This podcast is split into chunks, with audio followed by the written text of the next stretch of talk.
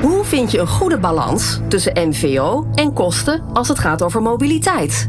Tijd om slimmer te leasen. In de Slim Leasen podcast praten presentator Volker Tempelman en consultants Elske van de Vliert en Arjos Bot u bij over de laatste ontwikkelingen. Welkom bij de Slim Leasen podcast. Deel 16 van de Slim Leasen podcast. Elske en Arjos, welkom. Ja, dankjewel. Dankjewel. Goed dat jullie er zijn. We horen graag wat iedereen van de podcast vindt. Laat dus uh, van je horen op LinkedIn als je luisteraar bent van de Slim Lease podcast. Reageer op LinkedIn en tag Elske en Arjos in je bericht. Want dat doen jullie graag, hè? Uh, horen wat er speelt en wat de mensen van de podcast vinden. Zeker. Dat is belangrijk. We hebben het vandaag over de toekomst en dan specifiek de vraag: hoe ziet een toekomstbestendig mobiliteitsbeleid eruit? Elske en Arjos, kunnen jullie daar een beeld bij schetsen? Elske, hoe ziet zo'n beleid er bijvoorbeeld uit? Ja, een toekomstbestendig mobiliteitsbeleid ziet eruit als niet in beton gegoten. Dat is eigenlijk het belangrijkste. Uh, en dat is natuurlijk ook gelijk een lastige uh, opgave. Uh, want je gaat nu dus mobiliteitsbeleid maken waarvan je eigenlijk weet dat je volgend jaar, over twee jaar, over drie jaar, dat constant tegen het licht moet houden om te kijken of het nog klopt. Want er veranderen gewoon allemaal dingen in de markt. En daar wil je op inspelen op het moment dat dat doelmatig is. Een toekomstbestendig mobiliteitsbeleid is in ieder geval flexibel. En daarbij vind ik het heel belangrijk dat er goed naar de medewerkers geluisterd wordt daarvoor. Me eens, Arjos? Ja, en ik heb er nog wel iets aan toe te voegen. Kijk, um, ik, als organisatie sta je ergens voor. Heb je bepaalde cultuur, doelstellingen, ambities. En ik vind dat mobiliteit daarbij moet aan bijdragen dat je die doelstellingen haalt. Dus het stipje aan de horizon, dat hoeft niet heel ver weg te zijn, over twee of drie jaar. Waar, willen we, waar staan we voor? Wat willen we bereiken? En hoe kunnen we, als je kijkt naar People, Planet, Profit, die drie elementen. Dus de mensen, maatschappelijk verantwoord ondernemen en ook nog wel de euro's. Als je daar nou eens naar kijkt, wat, wat weegt het zwaarst? Waar moet het, de, uh, uh, het zwaartepunt liggen? En dat kan verschuiven hè, in de tijd. Ja, daaromheen kun je een heel mooi uh, beleid maken. Ja, helemaal, helemaal mee eens. En daarbij is het ook heel belangrijk, en dat is eigenlijk een hele vaste waarde van een bedrijf, van waarom doe je dit nou? Waarom is het nou zo belangrijk dat je dit mobiliteitsbeleid maakt? En waarom vind je het belangrijk dat je bijvoorbeeld aan maatschappelijk verantwoord ondernemen en aan die medewerker um, tijd en aandacht besteedt? En dat moet je heel erg helder hebben. Uh, vanuit daar kun je dan vervolgens je doel ook stellen van waar wil ik naartoe? Um, en daarmee kun je vervolgens bepalen hoe en wat je gaat doen. Wat zijn, wat zijn de dingen die je daar vaak in hoort uh, in jouw werk, Elske? Nou, wat ik uh, veel zie is dat uh, bedrijven al wel heel goed hebben nagedacht over het wagenparkbeleid. Maar dat ze er nu eigenlijk achter komen dat het uh, meer is dan alleen het wagenparkbeleid. Je moet niet alleen maar meer nadenken over de leasewagens. Want mensen komen ook naar je toe. Maar ja, hoor eens, ik wil helemaal geen leaseauto. Ik wil een OV-abonnement. En er zijn medewerkers die zeggen, ja, we hadden zo'n mooi fietsplan. Waar is dat gebleven? Dus je moet nadenken over het integrale mobiliteitsbeleid. Arjos, jij wil erop inhaken? Ja, dat klopt. Kijk, je moet het echt wel veel breder zien. Dat is wel uh, waar we met z'n allen naartoe gaan natuurlijk. Dus ik heb tegenwoordig uh, Arval. Maar het is niet meer alleen maar, de doelgroep is niet meer alleen maar de leaserijder. Het is echt iedere medewerker van een bedrijf. Um, en daar kun je maatwerk, uh, mooie mobiliteitsoplossingen voorbieden. Waarbij je tegenwoordig toch wel de medewerker wat meer weer zelf zijn of haar verantwoordelijkheid laat nemen. En zelf laat kiezen. Afhankelijk van werkt iemand thuis? Uh, uh, wat voor afspraken heeft hij? Waar moet hij zijn? Hij of zij die dag? Wat is het weer? Whatever. Bepaal zelf binnen de kaders en de mogelijkheden die werkgevers hoe je wilt gaan reizen. Wat het beste past bij jou. Zijn de mensen zich daar genoeg van bewust, denk jij? De mensen die uh, hiermee geconfronteerd worden, um, hier ook uit kunnen kiezen eigenlijk? Meer en meer. We hebben zogenaamde categorie verstokte leaserijders. die uh, zijn een beetje moeilijk uit hun auto te krijgen. Klinkt al heel stoffig, maar ja, ja, ja. Dan, ben, dan, ben, je... Ja, die, ja die, die vinden het blijkbaar prima om iedere dag in de file achteraan aan te sluiten. En dat, die accepteren dat. Terwijl als je vijf minuten op de trein moet wachten, dan staat iedereen waar blijft die trein? Maar wat is nou precies het verschil? En ja. als ze eenmaal ervaren hebben om ook eens die afwisseling te maken en een alternatief te proberen. Dat kan ook een elektrische fiets zijn. Hè? Dat kan echt van alles zijn. Ehm, dan zie je wel dat die verandering in gang gezet wordt. En de een, ja, weet je, veranderen is moeilijk en vraagt wat van ons allemaal. Maar bij de een gaat dat makkelijker dan bij de ander. Dit is de Slim Lease podcast met Volker Tempelman, Elske van de Vliert en Arjos Bot. Arjos, jij vindt dat de werkgever de verantwoordelijkheid heeft om heldere kaders te stellen en deze ook af te dwingen en te controleren. We nemen stelling. Elske, jij vindt dat de werkgever juist Mhm. niets moet opleggen aan de werknemers, maar ze juist moet informeren en faciliteren. Dat zijn stellingnamen die jullie ook in de eerdere podcast al hebben ingenomen. Ja. Kunnen jullie dat toelichten als het gaat om de toekomst? Mag ik met jou beginnen, Elske? Ja, ik vind het heel erg belangrijk dat het vanuit onderop in de organisatie komt. En dat kan alleen maar als je dat als directie heel goed faciliteert. En je medewerkers ook heel goed informeert. Want eh, ze moeten wel eh, een bepaalde basis hebben aan informatie om te weten waar het over gaat. En eh, ik snap ook wel dat je als directie, je hebt geen eh, ongelimiteerd budget. Dus ook daarover kun je medewerkers informeren. Maar vervolgens moet je ze faciliteren om met de goede oplossingen te komen. Je moet het eh, mogelijk maken om medewerkers met oplossingen te laten komen waarvan zij zeggen van dit zijn de oplossingen die bij ons passen. Dit zijn oplossingen waar we wat mee kunnen. En dit zijn oplossingen die we ook zien zitten. En wat ik veel doe met bedrijven is dat we in een eh, aantal series van workshops aan de slag gaan. En dat we eh, daarmee ook eh, zeg maar constant feedback halen uit de organisatie. Dus we doen een workshop over waarom is dit nou zo belangrijk. En vervolgens gaan die medewerkers die daaraan meedoen terug naar de organisatie en die gaan dat toetsen. Die gaan kijken van klopt dat? Vinden mijn collega's dat ook? Nou, en vervolgens dat neem je weer als input voor de volgende stap die je doet. En daarmee ben je als directie ook heel erg een luisterend oor naar je medewerkers. Nou, die medewerkers veranderen vanzelf. Dus daarmee eh, zorg je er ook voor dat je toekomstbestendig bezig blijft. Klinkt heel logisch en eh, vanzelfsprekend. Is dat ook zo? Ehm, nou, als je er van een afstandje naar kijkt, is het wel heel logisch en van- en vanzelfsprekend. Maar dat wil niet zeggen dat elk bedrijf dat op dit moment doet. Men is gewoon gewend vanuit de directie een beleid te bepalen. En dat is ook logisch, hè? want van directie wordt ook wel richting en visie en, en, en ja, doel verwacht. Dat is ook zo. Ehm, maar ja, ik zie het nog heel vaak gebeuren dat de directie de ene kant op wil en de medewerkers ergens anders behoefte aan hebben. Arjos, als je dat dan hoort, eh, is dat dan ook koren op jouw molen om te zeggen van eh, het moet vanuit de, de werkgever komen? Nou, ik, het, is, echt wel leuk wat eh, Elske zegt. Kijk, ehm, ik sta er nu voor wat dat. Een bedrijf moet inderdaad die visie hebben. Die staan ergens voor. Die moet af en toe ook echt een beslissing forceren. Want soms moet de beslissing echt geforceerd worden om die verandering in gang te zetten. Eh, als een bedrijf van locatie A naar locatie B verhuist, dan, dan, ja, dan brengt dat een verandering met zich mee. En die nieuwe locatie, als dat bijvoorbeeld bij een NS-station is, of daar zijn geen parkeerplekken, of juist dat brengt een bepaalde verandering met zich mee. En dan moet je gewoon stappen zetten. De grap is dat dat ik dezelfde aanpak, zeg maar, nou, ik zou bijna zeggen predik. Uh, namelijk, je moet natuurlijk wel met uh, in dialoog en in workshop-achtige vorm, zo zijn we dat gewend, uh, komen tot het nieuwe beleid. En dan kun je in fine-tunen, maar je ontkomt er niet aan dat er af en toe iemand een beslissing neemt. En je kunt niet alle verandering alleen maar van onderaf laten plaatsvinden. Want dan kan het wel eens bijvoorbeeld niet snel genoeg gaan. Ja, we hebben het vandaag dus over de toekomst. Vragen die daarbij horen zijn onder andere: hoe organiseer je nou het mobiliteitsbeleid beter? Daar hebben we het nu ja, over. Ja. Zijn daar uh, eigenlijk tips over te geven? Zijn daar uh, best practices bijvoorbeeld? Er zijn zeker tips over te geven. Um, een van de eerste waar ik meteen aan moet denken is natuurlijk dat je alle belanghebbenden uh, meekrijgt en erbij betrekt. Dus dat zijn bijvoorbeeld mensen van vanuit de OR uiteraard. Uh, maar bijvoorbeeld ook vanuit een hoek duurzaamheid. Maar misschien ook wel vanuit een hoek inkoop. Maar uiteraard, die vergeet ik bijna, HR. Dus personeelszaken met beleid, arbeidsvoorwaarden. Natuurlijk een hele belangrijke stakeholder in dit verhaal. Dus wat we vaak doen is met, ja, ook inderdaad in een workshop-achtige vorm. Of met een, met een soort van checklist van, joh, vertel nou eens waar jullie de, de, de belangen hechten. Waar zitten de prioriteiten? En kunnen jullie überhaupt met al jullie verschillende petten tot één gezamenlijk standpunt uh, komen. Want dat is dan het uitgangspunt. Of daar staat dit bedrijf voor. Dat is een beetje de missievisie. En vanuit daar ga je dan verder. Elske, jij wil erop inhaken? Ja, zeker. Want ik denk dat dit uh, heel erg goed is. Ik zou wel ook als tip mee willen geven. Um, vergeet de gebruiker niet. Dus uh, vraag niet alleen de HR-medewerker op zich die uh, denkt over beleid. Maar vraag ook gewoon die man, vrouw die in die leaseauto rijdt. Die man, vrouw die in die bestelbus rijdt. Die man, vrouw die elke dag uh, naar het werk komt fietsen. Hmm. Probeer ook op die laag uh, mensen mee te laten denken.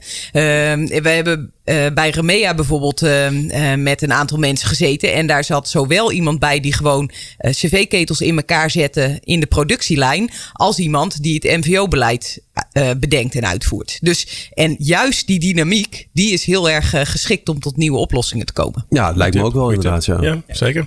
Eens. Er gebeurt nog niet genoeg dan nou, mensen zijn niet zo uh, makkelijk vinden elkaar hoor. In de verschillende lagen van de organisatie. Kijken. Dat klopt, ja. ja, en je wilt ook, het moet ook allemaal weer niet te grootschalig en complex worden. Want ja, hoe meer mensen je om een mening vraagt. Schrijf eens een keer een artikel. Ja. Vraag aan een aantal mensen wat ze ervan vinden.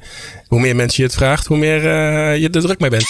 Dit is de Slim Lease podcast. Vinden jullie eigenlijk dat er genoeg over dit thema wordt gepraat binnen de bedrijven? Ik vind eigenlijk dat er heel veel over gepraat wordt en te weinig gedaan. Ja. Maar nu praat ik wel even gelijk. Um, nee ja, er wordt heel veel over gepraat. En bedrijven blijven soms ook praten.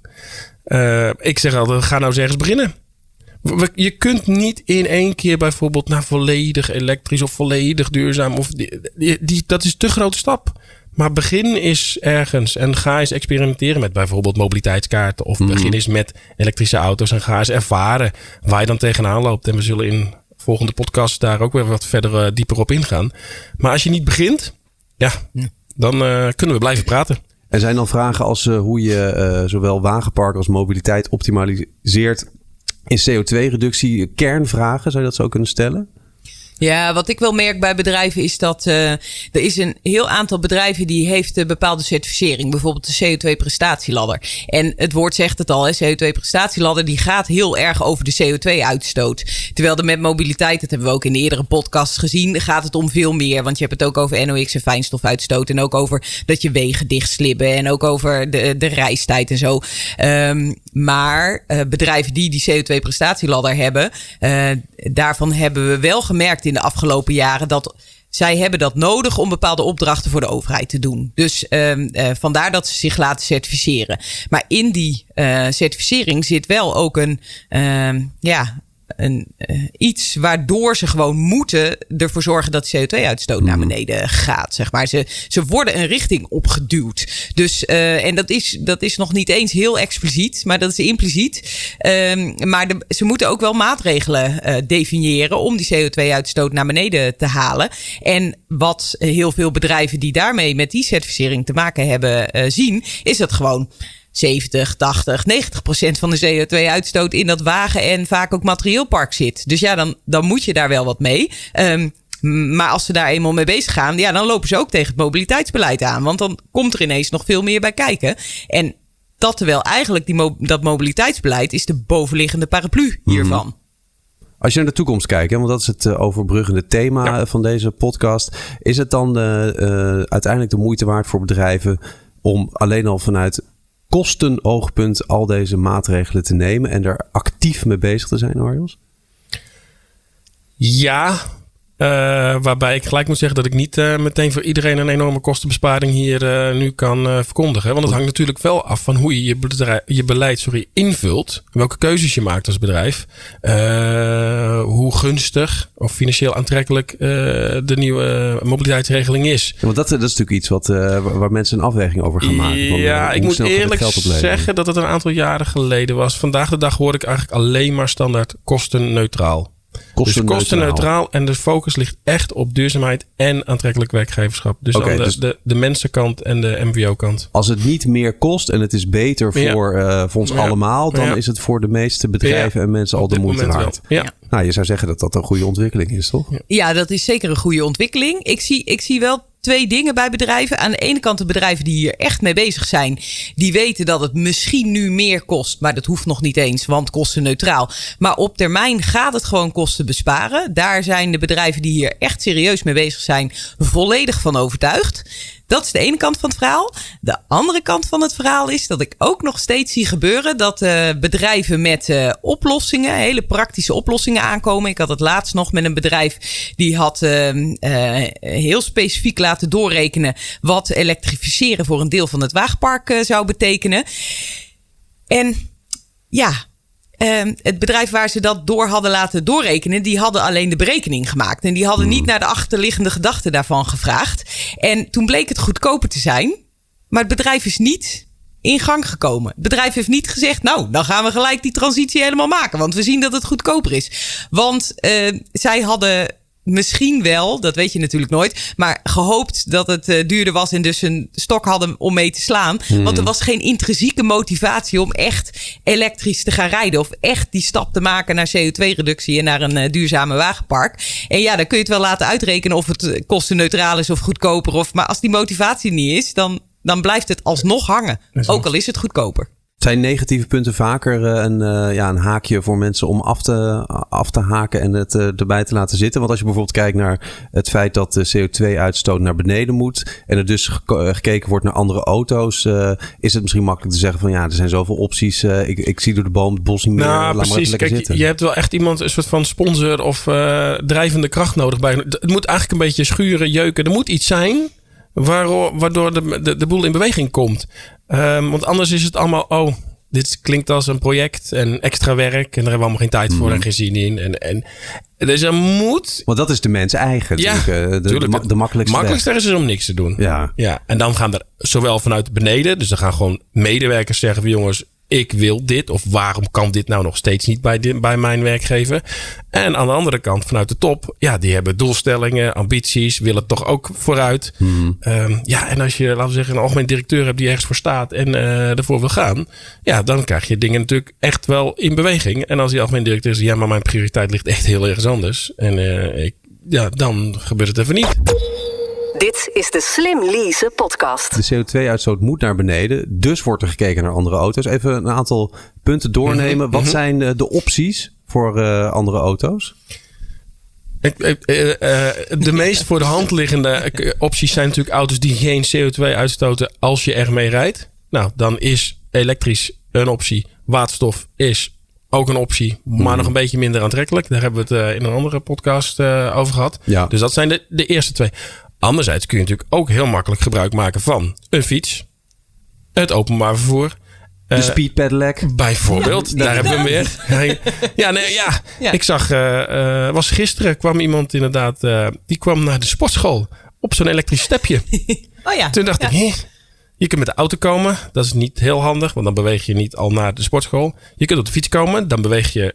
Dat was op zo'n elektrisch stepje. Toen was ik even zo van, ja, is dat nou wel of niet? Handig. Maar ja, je beweegt eigenlijk niet. Maar je gaat wel op stroom. En, ja.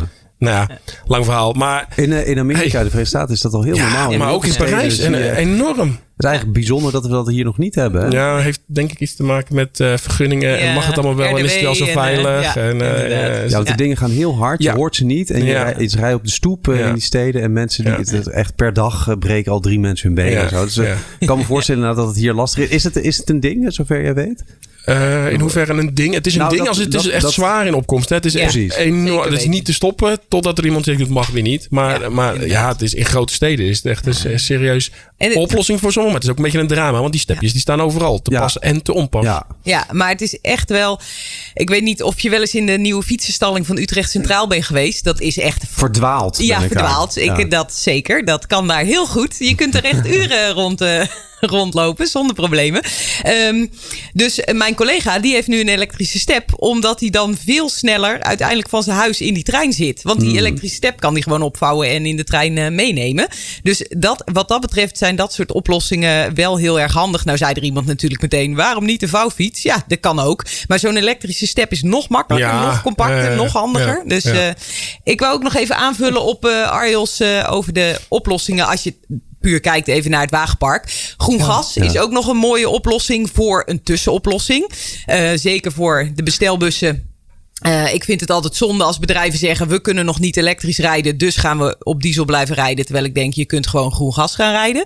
En uh, eh, HVO is ook nog een oplossing. Zeker voor het wat zwaardere verkeer en zeker voor de shovelsgraafmachines, de kranen, dat soort dingen. HVO is een uh, biodiesel die uit reststromen wordt gemaakt en die ook nog eens heel schoon verbrandt in een gewone dieselmotor. Dus je hebt en een luchtkwaliteit voordeel en je hebt een CO2 voordeel. Um, dat wordt niet de uiteindelijke toekomst, want uiteindelijk moeten we gewoon een nul emissie, geen discussie. Maar het is heel, heel, heel veel beter dan gewoon maar blijven rijden op, uh, op diesel.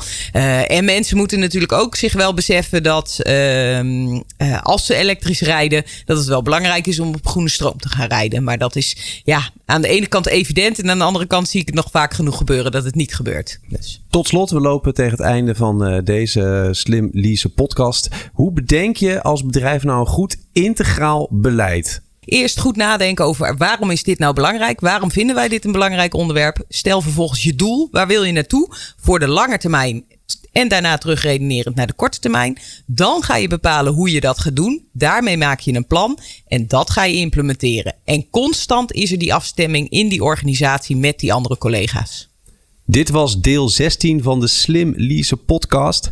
Elske, voor iedereen die meer wil horen, waar kan je de podcasts terugluisteren?